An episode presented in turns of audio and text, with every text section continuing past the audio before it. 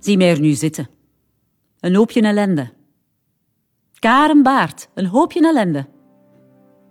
Ja, deze keer heb ik echt geen zin om de schijn op te houden en te doen alsof het mij allemaal niet raakt. Nee, het gaat niet goed met mij. Natuurlijk doet het pijn. Allee, Tom, alsjeblieft. Kijk naar mij. Kijk naar mij. Je gaat mij toch niet opgeven? Je gaat ons toch niet opgeven? Je bent veel te ver gegaan. Tom, ik zie u graag. Ik u niet meer. Hij liegt. Ik weet dat Tommeke de Dekker liegt en toch, hè, toch doet het zeer. Hij weet hoe moeilijk dat het voor mij is om dat te zeggen, om dat toe te geven. Er is niets meer om voor te vechten, dat zegt hij. Och, hij weet niet wat dat hij zegt. Er is nog zoveel. Oké, ik had die zaak van Renielde direct moeten laten vallen. Dan was het nooit zo ver gekomen. Maar nee, ik moest weer eens koppig zijn. Hè. Het heeft mij ver gebracht. Tom heeft mijn hart gebroken. Maar dat was blijkbaar niet genoeg, hè? Er waren er nog meer die vonden dat het genoeg was geweest, dat ik genoeg had gedaan. Ik wil Karin laten royeren, zodat ze nooit nog advocaat kan zijn. Oké, het is goed. Ik zal getuigen voor de orde. Tegen Karen. En Tommeke zag zijn kans om samen met Peter mijn carrière kapot te maken. Plots zijn terug vriendjes. De lafaards. Maar dat zal niet gebeuren. Ik heb daar te veel voor opgeofferd. Als ik geen advocaat meer kan zijn, wat blijft er dan nog van mij over?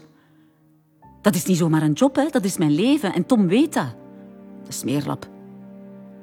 Ik kan niet alles verliezen. Niet nog eens. Hoewel ik anders goed op weg ben. Bij Koben heb ik het ook al verpest. Zeg alsjeblieft, ik moet me toch Ik meen het, maak dat je wegkomt. Maar Koben, als... Bouw het af! Ik heb een fout gemaakt, ik weet het. Ik, ik maak, ik maak zoveel fouten de laatste tijd. Het spijt mij. En ik heb u nodig.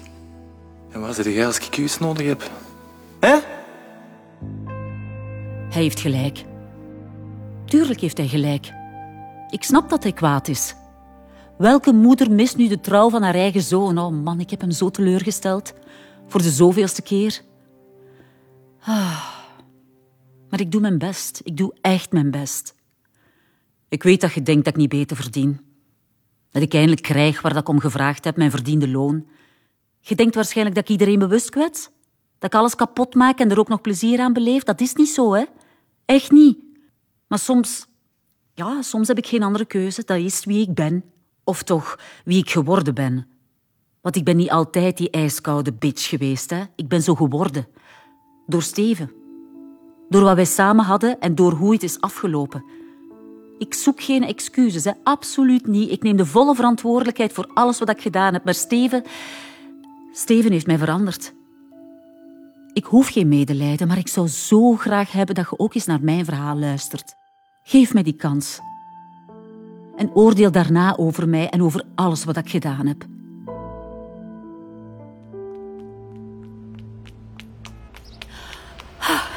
De zenuwen gieren door mijn lijf.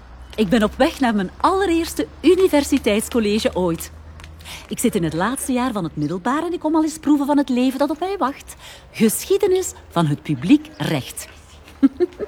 dat klinkt waarschijnlijk doodelijk saai, maar voor mij was het dat absoluut niet. Het was mijn grote droom om rechten te studeren. Nog eventjes geduld en dan is het eindelijk zover. Ah, vanaf de eerste keer dat ik door die gangen liep, voelde ik mij daar direct thuis. Ik kon niet wachten om die idiote klasgenoten van het middelbaar achter mij te laten. Ze deelden mijn ambitie toch niet. Die begrepen dus niet waarom ik op een woensdagnamiddag vrijwillig naar een les ging. Nee, zij gingen liever rond aan een krantenwinkel om te flirten met jongens die vol met puisten stonden. ik had wel iets beters te doen. Ik had een doel voor ogen. Ik zou advocaat worden. Toen ik een klein meisje was, verkleedde ik me niet als prinses. Hè? Nee, nee, nee, nee. Ik deed de toga van mijn moeder aan. En dan oefende ik een pleidooi voor de spiegel. Zoals ik daar zo vaak zag doen. En nu was het eindelijk bijna aan mij. Ik word advocaat. En niet zomaar één, hè. Nee, nee, nee, nee. Ik word de beste advocaat. Oh, ja, ik zal blij zijn als ik later nooit tegen u zal moeten pleiten. Dat zei mijn moeder altijd. En wel, hè. Dat was het schoonste compliment dat ze mij kon geven. Want zij was niet de minste, hè. Mijn moeder had een mooie carrière uitgebouwd en daar had ze heel hard voor moeten knokken. Vooral na de dood van mijn vader. Als advocaat in SP had ik daar heel veel bewondering voor. Maar als dochter was het natuurlijk niet zo leuk om op te groeien met een moeder die nooit thuis was. Ik weet dat ze haar best deed, maar soms is uw best toen niet goed genoeg. Pas op, ik ben mijn moeder wel dankbaar hoor. Door haar heb ik geleerd om mijn plan te trekken. Door haar sta ik stevig in mijn schoenen. Ik heb alles altijd alleen gedaan en ik ben daar trots op. I did it my way. Maar nu, hè. Ja, nu twijfel ik of het wel zo goed is om niemand nodig te hebben. Is toch vooral eenzaam. Als ik ooit kinderen krijg, pak ik het helemaal anders aan. ja, ooit was dat mijn voornemen. Tja, dat is ook goed mislukt. Maar bon, ik dwaal af.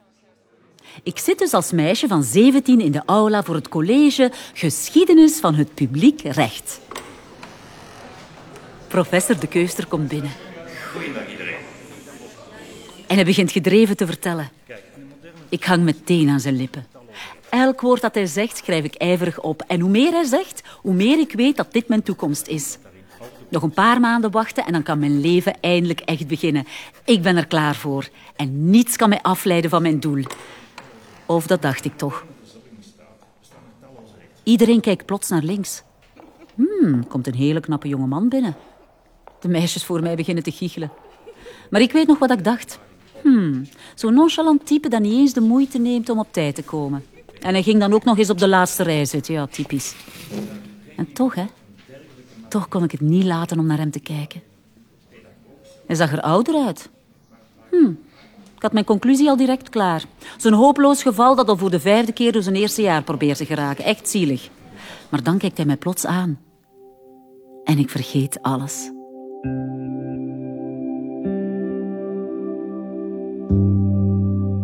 Wat Steven en ik hadden, hè, dat was echt speciaal. Liefde op het eerste zicht. Dat wist ik vanaf die eerste keer dat hij mij aankeek. Ik laat mij echt niet snel uit mijn lood slaan. Als anderen het moeilijk krijgen, kom ik pas op dreef. Dat is mij in de rechtbank al vaak van pas gekomen. Maar Steven, hè, die kon mij zo doen wankelen.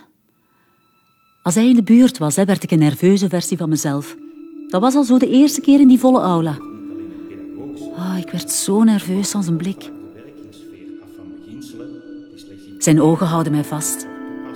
Ik kan mij niet bewegen. Het is alsof ik plots niet meer weet hoe mijn lichaam werkt. Hij glimlacht en ik raak nog meer in de war. Ik kan niet wegkijken en dus blijf ik terugstaren. Tot ik met een schok besef hoe belachelijk dat ik mij aan het maken ben. Ik draai me snel om en probeer opnieuw te focussen op wat de professor zegt, maar het dringt allemaal niet meer door. Ik wil achterom kijken naar die laatste rij. Allee, kom aan. Karen, allee, focussen, hè. Dat is niet het moment om afgeleid te raken. Je zijt hier met een doel. Toegewezen karakter van elk De rest van het college blijf ik strak voor mij kijken. Ook al is het verdomd moeilijk. Ik heb niet veel meer gehoord van wat de professor zei. Pas als iedereen zijn spullen bij elkaar raapt, durf ik weer over mijn schouder te kijken. Maar ik zie hem niet meer. Hij is weg. En ik wil niet toegeven hoe spijtig dat ik dat vind. Ik loop gefrustreerd naar de deur. En? Vond je het interessant? Ja, ja, ja, ja, ja heel interessant. Eh, wel, vooral die eh, eerste twintig minuten, hè. Oei, dat is spijtig. Die heb ik juist gemist. Ja, ik heb het gezien, ja. Jij let goed op, dat is positief. De keuster vindt dat heel belangrijk. Daarmee gaat je zeker scoren. Zeg, ik heb u nog nooit gezien. Zeg je de nieuwe student? Ja, zoiets, ja. Eh, en jij? Geen student, gelukkig maar. Dat zou een beetje zielig zijn, hè? Nogal, ja. Ik ben assistent van professor De Keuster. Ah, oké. Wel, eh, aangenaam, hè, meneer de assistent? Steven, zeg alsjeblieft, Steven, ik voel mij al oud genoeg. Het is al de eerstejaars. En wie zeg jij? Karen. Karen Waard. Jij zegt geen student, Karen? Oei. Oh, valt het echt zo hard op? Ik heb nogthans zo mijn best gedaan om te doen alsof ik hier helemaal thuis hoor. Dat is dan hopeloos mislukt. Jij bent niet echt onopvallend. Hoe bedoelt je? Ik... Ja. ja, sorry, ja. ik ben nog geen student. Eh, volgend jaar kom ik hier rechten studeren en ik wou al eens komen kijken. Ik dacht gewoon dat dat mocht. Ja, natuurlijk mag dat. Maar je moet u eigenlijk op voorhand registreren. kom maar even mee naar mijn bureau. Dan breng ik dat in orde. Eh, nee, nee, nee, nee, sorry, dat, dat, gaat niet lukken. Ik, eh, ja, ik moet dringend weg. Dag, hè. Dat was dus niet gelogen, hè. Ik moest daar echt weg. Ik, ik stond gewoon te wankelen op mijn benen. Dat had ik nu nog nooit meegemaakt, zeg. Ik had mezelf niet meer onder controle. En, en ja, ik vond dat geen fijn gevoel. En tegelijkertijd eigenlijk ook weer wel. Die avond vertel ik mijn moeder over mijn bezoekje aan de UNIF. En ze vraagt of ik onder de indruk was. Amai, ja, dat was ik zeker. Maar ik vertel haar natuurlijk niet waarom dat, dat zo is. Ik heb echt geen zin in haar ontnuchterende blik. Ik wil liever nog wat in de waan blijven en fantaseren over een onmogelijke liefde die zich in een aula afspeelt. Romantisch, hè? Ik ga naar mijn kamer en ik probeer mij op mijn notities te focussen, maar het gaat niet goed. Ik moet de hele tijd aan Steven denken. Ah, De manier waarop dat hij naar mij keek. Ik, ik weet gewoon dat ik hem moet terugzien. En braaf wachten tot volgende week. Nee, daar had ik echt geen goesting in. Het mocht vooruit gaan. Ah, eindelijk kan ik weg. Een schooldag heeft nog nooit zo lang geduurd als vandaag. Ik heb het helemaal, maar dan ook helemaal gehad met het middelbare. Het is allemaal zo nutteloos. Het voelt als een verspilling om nog tijd te steken in aardrijkskunde of biologie. Want ik weet toch al lang wat ik wil doen. Rechten studeren en advocaat worden. Dat is mijn grote droom. Mijn klasgenoten kijken niet verder dan het eindejaarsbal. ik heb mij altijd al volwassener gevoeld dan hen. Een kinderachtig gedoe, hè, ergert mij. Ik ben klaar voor iets anders. Of voor iemand anders. ik haast mij terug naar de campus. Het kan echt niet snel genoeg gaan. Hoe dichter ik bij de UNIF kom, hoe meer kriebels ik voel. Je gelooft het niet, hè? Karen baart met vlinders in haar buik. Oh, jawel. En ik had het zwaar te pakken ook. Ik herken mezelf bijna niet meer. Vroeger moest ik altijd lachen met die meisjes van mijn klas die alleen maar over jongens konden praten. En nu was ik zelf in een, in een verliefde puber aan het veranderen. Ah, eindelijk kom ik aan bij de juiste aula. Ik leg mijn oor tegen de deur en... Ah, shit. Het is al begonnen. Fuck, wat moet ik nu doen? Durf niet naar binnen, want ik zou veel te veel aandacht trekken. Ik... Ach ja, ik laat mij op de grond zakken. En ik begin aan het eindeloze wachten. Hmm, de secondewijzer kruipt zo tergend traag over mijn horloge. Ik word er compleet zot van. Er lijkt geen einde aan te komen. Maar dan zwaait de deur eindelijk open en ik word bijna omvergelopen door een bende studenten die zo snel mogelijk weg willen. Maar ik, ik wil juist naar binnen. In een bang hartje ga ik door de deur. En dan zie ik hem. Eindelijk. Net als gisteren zit hij op de laatste rij. Ah, shit. Hij is niet alleen. Hij staat te babbelen met studenten. Mooi en jong en blond en... Och nee, tuurlijk. Ik snap het al. Meneer de assistent papt gewoon met alle studenten aan. Ah, mag ik, mag ik naar je bureau komen dan? Hoe cliché is dat, zeg? Ik was er nog bijna ingetrapt ook. Ik voel mij compleet belachelijk. Allee, wat doe ik hier nu? Oké, maar dan kom ik straks een keer langs. God, ik wil hier weg. Ik moet hier nu weg. Ah!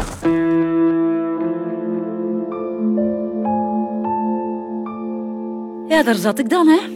Te wachten in het kantoortje van Steven, terwijl hij op zoek was naar iets van ijs om tegen mijn gezwollen oog te houden. Want ik was tegen de deur gelopen. Oh, man. Ik schaam mij weer dood als ik eraan terugdenk. Het liefst van allen wou ik zo snel mogelijk vluchten. Maar die kans heeft Steven mij zelfs niet gegeven. Hij moest en hij zou voor mij zorgen.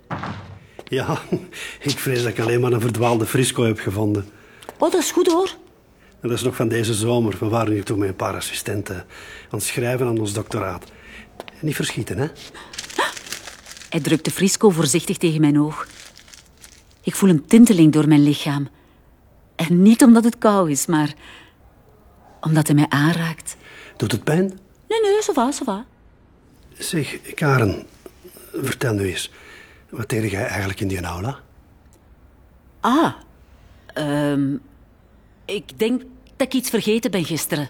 Mijn fluo-stift, ja, ik ben mijn fluo-stift kwijt. Dus voilà, die kwam ik zoeken. Ah, oei. Uw fluo-stift. Ja, dat is, eh, dat is heel belangrijk. Daar zou ik ook voor terugkomen. En dan die uitdagende grijns op zijn gezicht. Hij wist goed genoeg dat ik iets aan het verzinnen was. En hij had er plezier in. Dat zag ik aan die fonkel in zijn ogen. Ik heb nooit kunnen liegen tegen Steven. Hij had mij altijd direct door. Dat was toen ook al zo. Ik voelde opeens de drang om eerlijk te zijn. Dus ik gooi het er gewoon uit.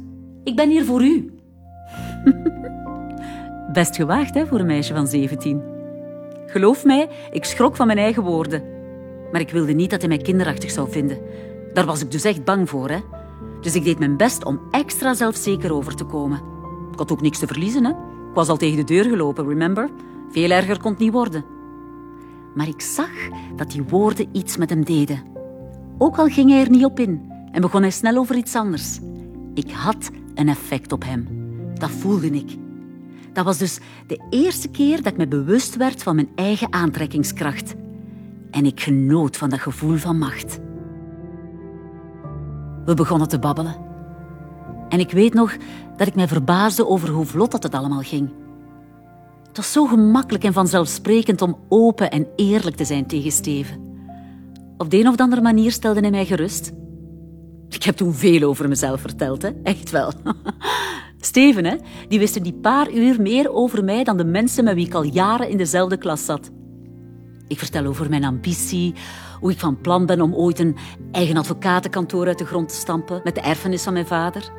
Hoe ik misschien zelfs een tijdje naar New York zou willen gaan, omdat mijn vader daar zijn stage heeft gedaan. En Steven kijkt niet raar op als ik dat allemaal zeg. Hij lacht mij niet uit. Hij is enthousiast en vol bewondering voor mijn plannen. Oh man, dat doet deugd. En ik vertel ook over die keer dat we in de klas tegen elkaar moesten debatteren. En hoe ik toen al mijn klasgenoten onder tafel had gepraat. Gaar maar toch. Ik zou bijna medelijden krijgen met uw klasgenoten. Ja, ik kan er ook niet aan doen dat ik zo goed ben. Nee, echt. Dat was zo tof om te doen. En dat was dan nog maar in een onnozel klaslokaal. hè. Wat voor een kick moet dat dan wel niet geven om te pleiten in een rechtbank? Wat is er? Ja, n- waarom kijkt je zo? Oh, oh, niks. Ik hoor u gewoon graag bezig. Zo'n enthousiasme, daar gaat het zeker mee geraken. En waarin zou je willen specialiseren? Alleen een idee? En wel, hè? Daar ga ik niet op antwoorden, hè? Je hebt al meer dan genoeg vragen gesteld. Nu is het aan mij. Wat doet een assistent eigenlijk? Hm? Wel, ehm meisjes van de vloer rapen, dat is een belangrijk onderdeel van mijn takenpakket. Uiteraard, ja. En daarnaast werk ik vooral aan mijn doctoraat, bedrijfsrecht. Heb je dat altijd al willen doen? Oh, absoluut. Ja, ja, ja, ja. Als kind al was het mijn grote droom om de rest van mijn dagen te slijten op een bureau zonder daglicht. En dan die glimlach van hem daarbij. Ah, man, man, man. Ik was kansloos. Ik was zo hard aan het vallen voor Steven en ik liet het gewoon gebeuren. Dat is mij later nooit meer overkomen. Of, ja, ik heb er toch veel harder tegen gevochten. Misschien dat Tom in de buurt kwam.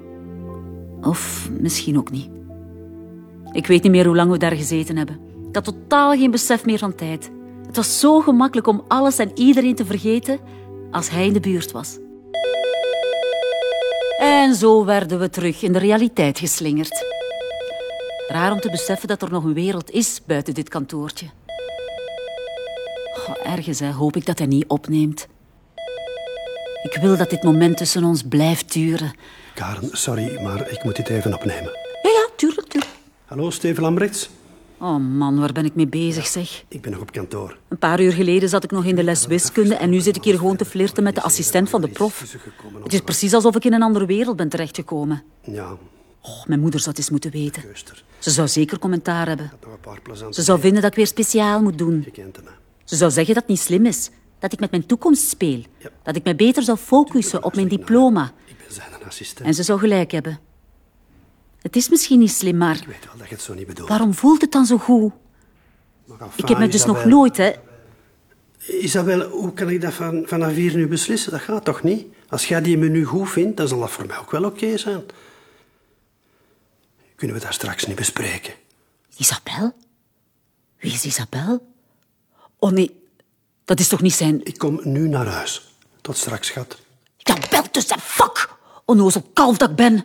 Natuurlijk heeft iemand gelijk Steven een vriendin. Wat had ik nu gedacht? Ah. En het was nog erger dan ik dacht. Isabel was niet gewoon zijn vriendin, maar zijn verloofde. Ik was verdomme verliefd geworden op een man die binnenkort zou trouwen. Allee, hoe kon ik nu zo stom zijn? Dacht ik nu echt dat iemand zoals hij geïnteresseerd zou zijn in een meisje van 17? Sorry. Ik had dat misschien eerder moeten zeggen, Karen. Ik wil gewoon eerlijk zijn met u. Ik zou niet willen dat je een fout idee krijgt van mij. Nee, nee, het is oké, het is oké. Geen foute gedachten, beloofd. Ik probeer luchtig te klinken, maar ik denk dat de trilling in mijn stem mij verraadt. Ik zeg dat het oké is, ook al is dat helemaal niet zo. Ik wil mij gewoon niet laten kennen. Niet laten merken dat ik op zoveel meer had gehoopt. Oh, dat was zo stom van mij. Maar waarom kijkt hij mij dan zo indringend aan? Waarom vraagt hij dan of ik een vriendje heb, om dan opgelucht te zijn als ik zeg van niet? Waarom vraagt hij dan of ik naar de colleges blijf komen? Dat wil toch zeggen dat hij mij wil blijven zien, hè? Of denk ik dat alleen maar omdat ik het zo graag wil geloven? Oh, ik moet mij gewoon niks in mijn hoofd halen. Steven is duidelijk geweest. Ik moest er niets meer achter zoeken. We zijn gewoon vrienden, heeft hij zelf gezegd. Maar zijn lichaam, hè, zegt totaal iets anders. Het is alsof hij altijd maar dichterbij wil komen. Kijk, zo was dat dus constant in mijn hoofd. Van twijfel naar hoop en weer terug. Ik kan u verzekeren dat een week lang duurt op die manier. Het was bijna terug woensdag. En ik wist nog altijd niet wat ik moest doen. Opnieuw naar het college gaan of niet. Ja, ik weet dat ik beter zou weggebleven zijn. Waarom wilde ik het mezelf eigenlijk zo moeilijk maken? Oh, ik had het beter losgelaten. Ik vroeg mij af wat Steven toen dacht. Wat als ze er niet is? Die gedachte schiet plots door mijn hoofd terwijl ik mij naar de aula haast. Ik kijk nerveus op mijn horloge. Shit, ik ben al meer dan een half uur te laat. En dat allemaal door die stomme telefoon die maar bleef duren. Het was een hele dag doodkalm en juist wanneer ik op het punt sta om te vertrekken, gaat dat klote ding natuurlijk. Ik had veel goesting om een hoorn neer te gooien. Misschien is ze ondertussen al vertrokken, omdat ik er niet was. Ik zet nog een tandje bij, bang om haar te missen. Ik wil haar gewoon zien. Daar kijk ik al heel de week naar uit. Ik weet dat het fout is en ja, ze is nog maar 17, maar ik kan er niks aan doen. Ik wil zoveel meer over haar te weten komen. Ik ben hier voor u. Poeh, het was zo moeilijk om mijn koel te bewaren. Ik moet glimlachen als ik eraan terugdenk. Ik ben sinds vorige week trouwens niet meer gestopt met glimlachen. En ik hou mezelf voor dat ik niks verkeerd doe. Dat het gewoon goed klikt met Karin, dat we vrienden zijn, meer niet. Bullshit natuurlijk. Zachtjes duw ik de deur open. Een honderdtal hoofden draaien zich in mijn richting, maar ik zie alleen dat van haar. En ik word direct terug rustig. Oef, ze. Mijn hart springt bijna uit mijn lijf als hij eindelijk verschijnt. Oh, ik was zo bang dat hij niet zou komen, dat ik zijn woorden fout geïnterpreteerd had, maar hij knipoogt. En ik weet gewoon dat ik me niks inbeeld. Wat ik voel, dat is echt. Hij vindt mij ook leuk. Tot de volgende keer, iedereen. Als de aula eindelijk leegloopt, blijven we allebei treuzelen. Amai, jij moet professor De Keuster wel heel interessant vinden, hè? Dat is al de tweede week op rij dat je naar zijn les komt. Oh shit, je hebt mij helemaal door. Ja, grijs en een beetje reuma, helemaal met type. Dat is spijtig. Zeg, te laat komen is precies wel uw specialiteit, hè? Ik dacht al dat je nu niet meer ging komen. Ik moest hier toch zijn? Als je weer eens tegen een deur zou lopen. en veel bijgeleerd. Ik heb eigenlijk niet zo goed kunnen opletten. Oei. En het was wel juist een heel belangrijk college. Misschien moet ik het nog eens uitleggen. Alles voor uw toekomst, hè? Wat? Ja, ik, ik probeer het me voor te stellen. Jij als prof. Maar ik zie het echt niet. Oeh. En waarom niet? Ik zou toch perfect prof kunnen zijn. Nee, echt niet, echt niet, sorry. Hé, là Mij niet onderschatten, hè? Oh, dat doe ik niet. Allee. Je bent gewoon veel te jong. Zie mij hier nu staan. Waar ben ik eigenlijk mee bezig? Ik ben met vuur aan het spelen, dat besef ik maar al te goed. Hoe langer ik hier blijf, hoe moeilijker het wordt om haar te weerstaan. Ik moet mijn kop erbij houden. En ik zou beter naar huis gaan, naar Isabel. Voor dit verder uit de hand loopt. Maar ik wil niet weg. Ik weet niet wat het is, maar deze vrouw, enfin, dit meisje, doet mij iets. Zo heb ik mij al lang niet meer gevoeld. En ik kan er niet genoeg van krijgen. Ik wil meer van dit, veel meer. We hadden dezelfde humor. En ik wilde meer. Veel meer.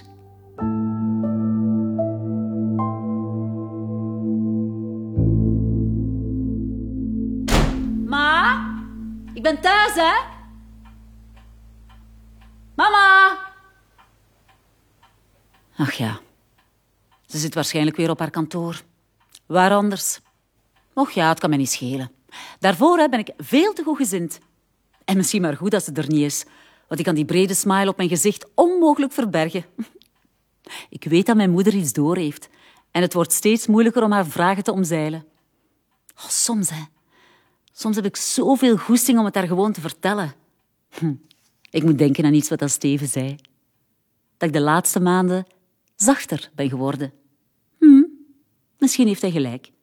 Ik ben inderdaad een beetje minder hard voor mijn moeder. Dat merk ik nu nog maar eens. Ja, verliefd zijn, het doet iets met een mens. Bij Steven hè, was ik een echte softie. Ik had heel mijn jeugd geleerd om sterk te zijn, maar bij hem, ja, bij hem kon ik loslaten. Durfde ik kwetsbaar te zijn.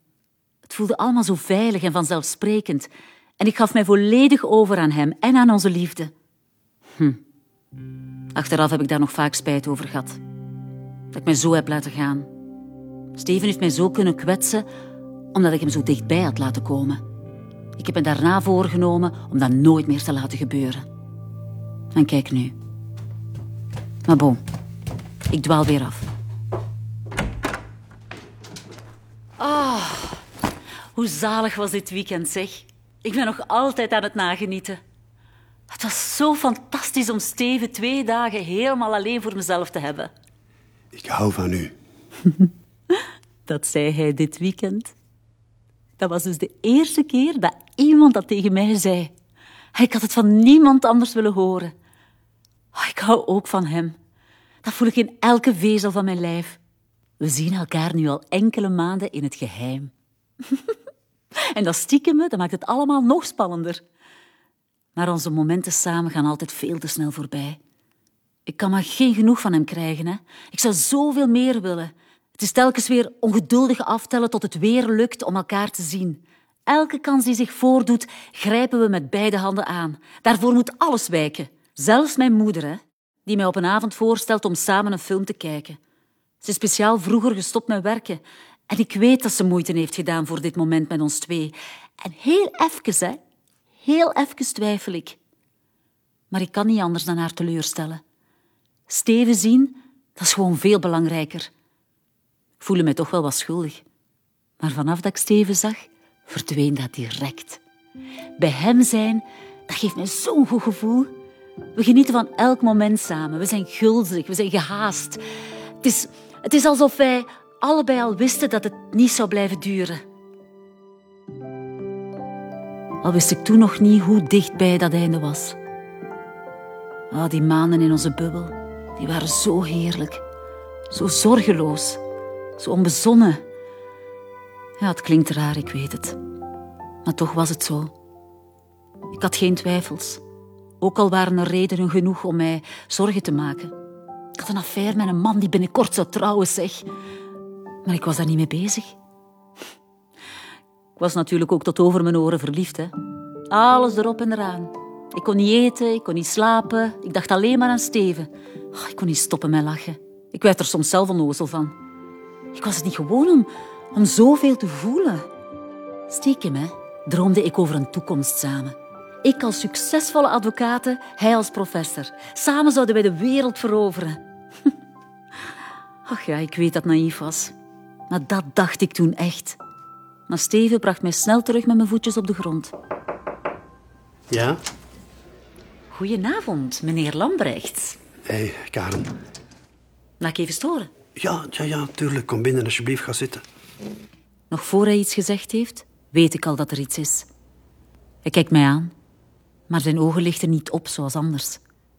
Hij lijkt nerveus. Ik voel dat er slecht nieuws is. 9 juni.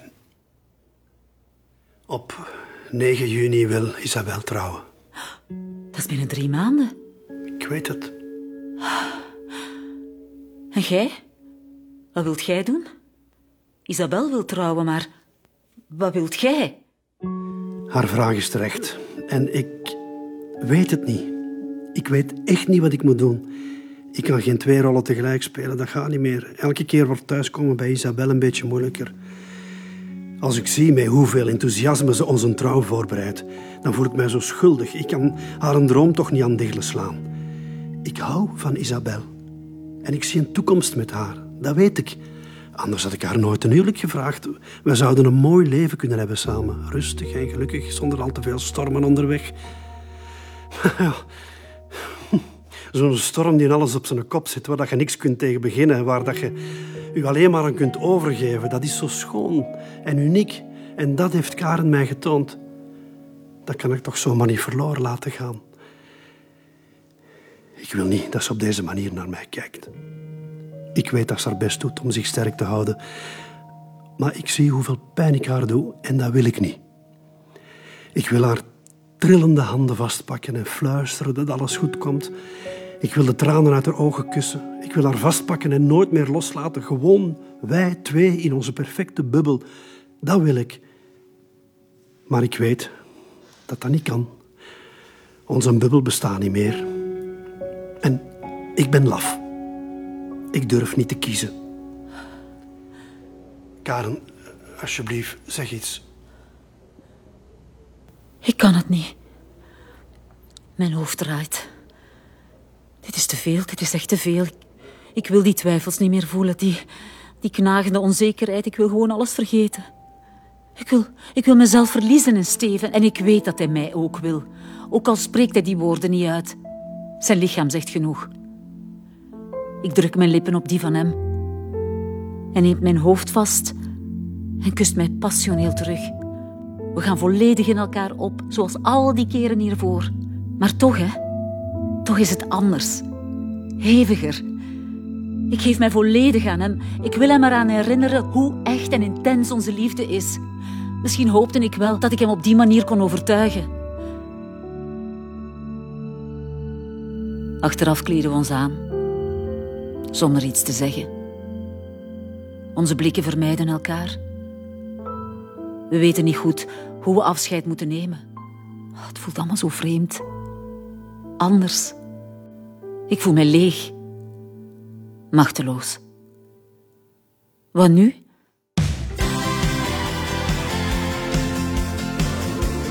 Aflevering gemist? Herbeluister deze en alle vorige afleveringen van Ik Karin via de Radio 2-app. Je bent ergens beter dan